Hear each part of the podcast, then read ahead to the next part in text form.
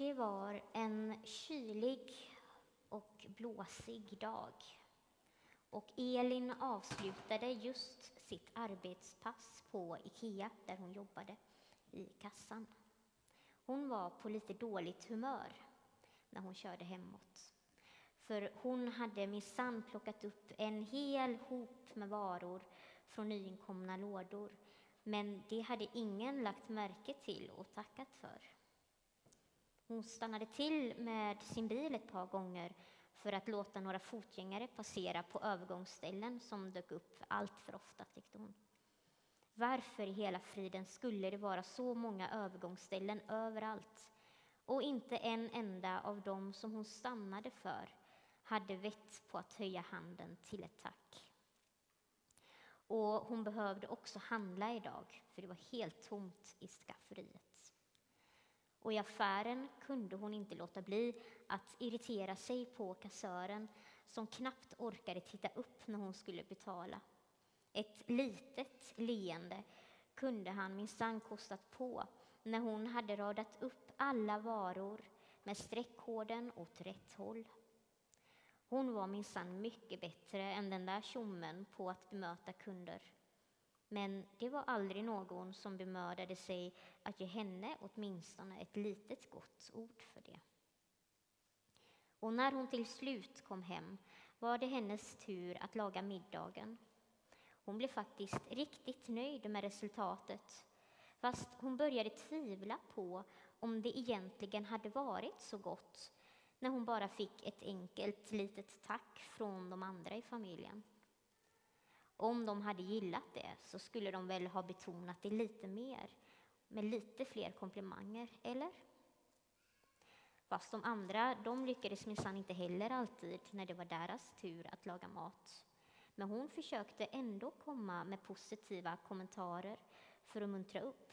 Men det var ju ingen som tackade för hennes uppmuntran heller. När hon gick och la sig snurrade tankarna fortfarande omkring i huvudet. Hon suckade tungt. Varför skulle hon ens försöka när det ändå aldrig var någon som uppmärksammade hennes ansträngningar? Förstod de inte att hon alltid gjorde det där lilla extra?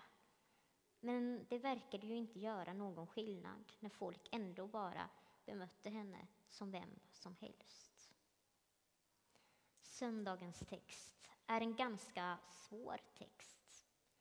Min första tanke var, kära någon, vad menar Jesus med detta?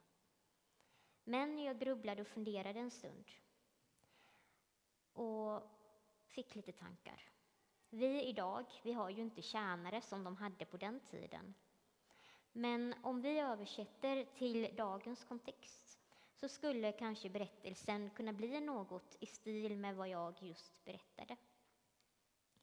Elin gjorde i princip det som kan förväntas av de flesta i vårt samhälle.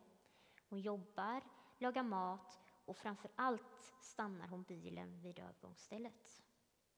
Allt det är saker som är ganska självklara att göra.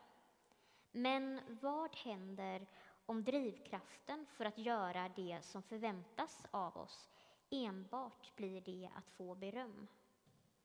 Om det är berömmelse och ära som blir drivkraften i våra liv så kommer det att bli som för Elin.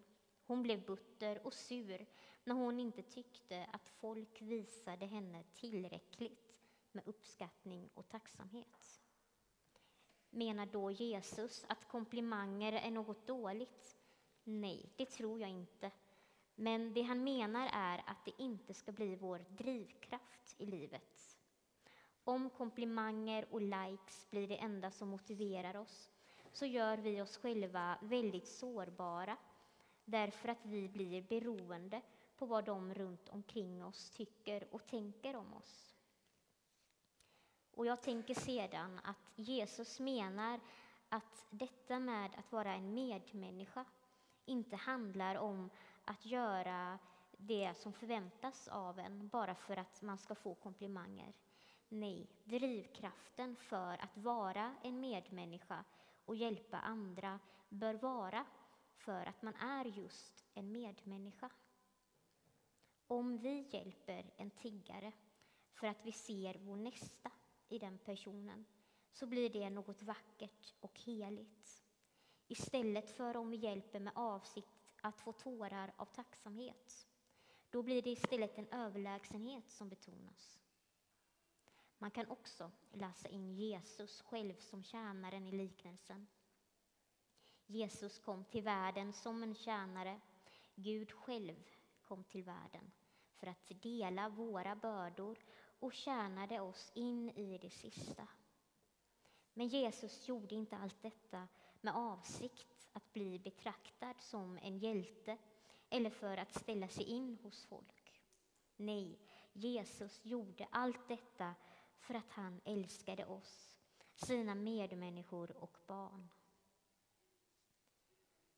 Varvid också skulle kunna översätta texten till är vår relation till Gud.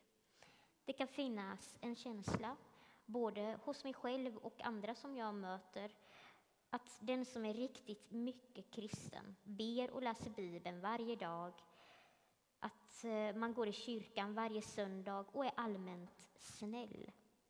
Missförstå mig inte. Allt detta är hälsosamma delar i att bygga vår relation till Gud. Men däremot blir det fel betoning om vi, när vi ber och läser Bibeln, gör det för att vi då känner att vi har klättrat lite högre upp på stegen upp till Gud. Eller kanske ännu värre, när vi känner oss som Guds svarta får för att vi inte läst i Bibeln eller bett så ofta som vi tycker att vi borde. Och vi blir lite rädda kanske för att vi halkat ner ett par eller flera pinnar på stegen. Att bygga relation med någon, i detta fallet med Gud, handlar inte om att ställa sig in och samla extra poäng. Kanske håller vi människor på med ganska mycket sånt statustänk. Men Gud ser bortom allt det där. Gud tycker inte att vi är extra duktiga om vi är flitiga i att läsa Bibeln varje dag. Och han tycker inte vi är dåliga om vi inte lyckas med det. Majoriteten av de första kristna ägde antagligen aldrig en bok överhuvudtaget. Utan det Gud vill är att bygga relation med oss. Och för att bygga relation så kan vi läsa i Bibeln för att upptäcka mer om vem Gud är. Och samma sak är det med bönen. Det är ett samtal med Gud som kan bygga relation till Gud. Men inte om det blir till ett ständigt dåligt samvete för att man borde be mer eller framtvinga en heligare känsla. Relationen till Gud gror och utvecklas när vi möts hjärta till hjärta. Alltså när vi kommer till Gud och vänder oss till Gud i sanning. När vi lämnar besvikelser och glädjeämnen, sorger och hopp till Gud. Det är att komma till honom i sanning. Så i stunderna, både de när jag känner mig extra duktig och de när jag har dåligt samvete, så finner jag det verkligt tröstande när jag eller folk i min omgivning påminner mig om att det faktiskt inte finns en stege till Gud. För Gud är oss närmare än vad vi själva någonsin kan inse hela tiden. Inget vi gör kan få oss att komma längre bort eller närmare Gud. Och detta är evangelium.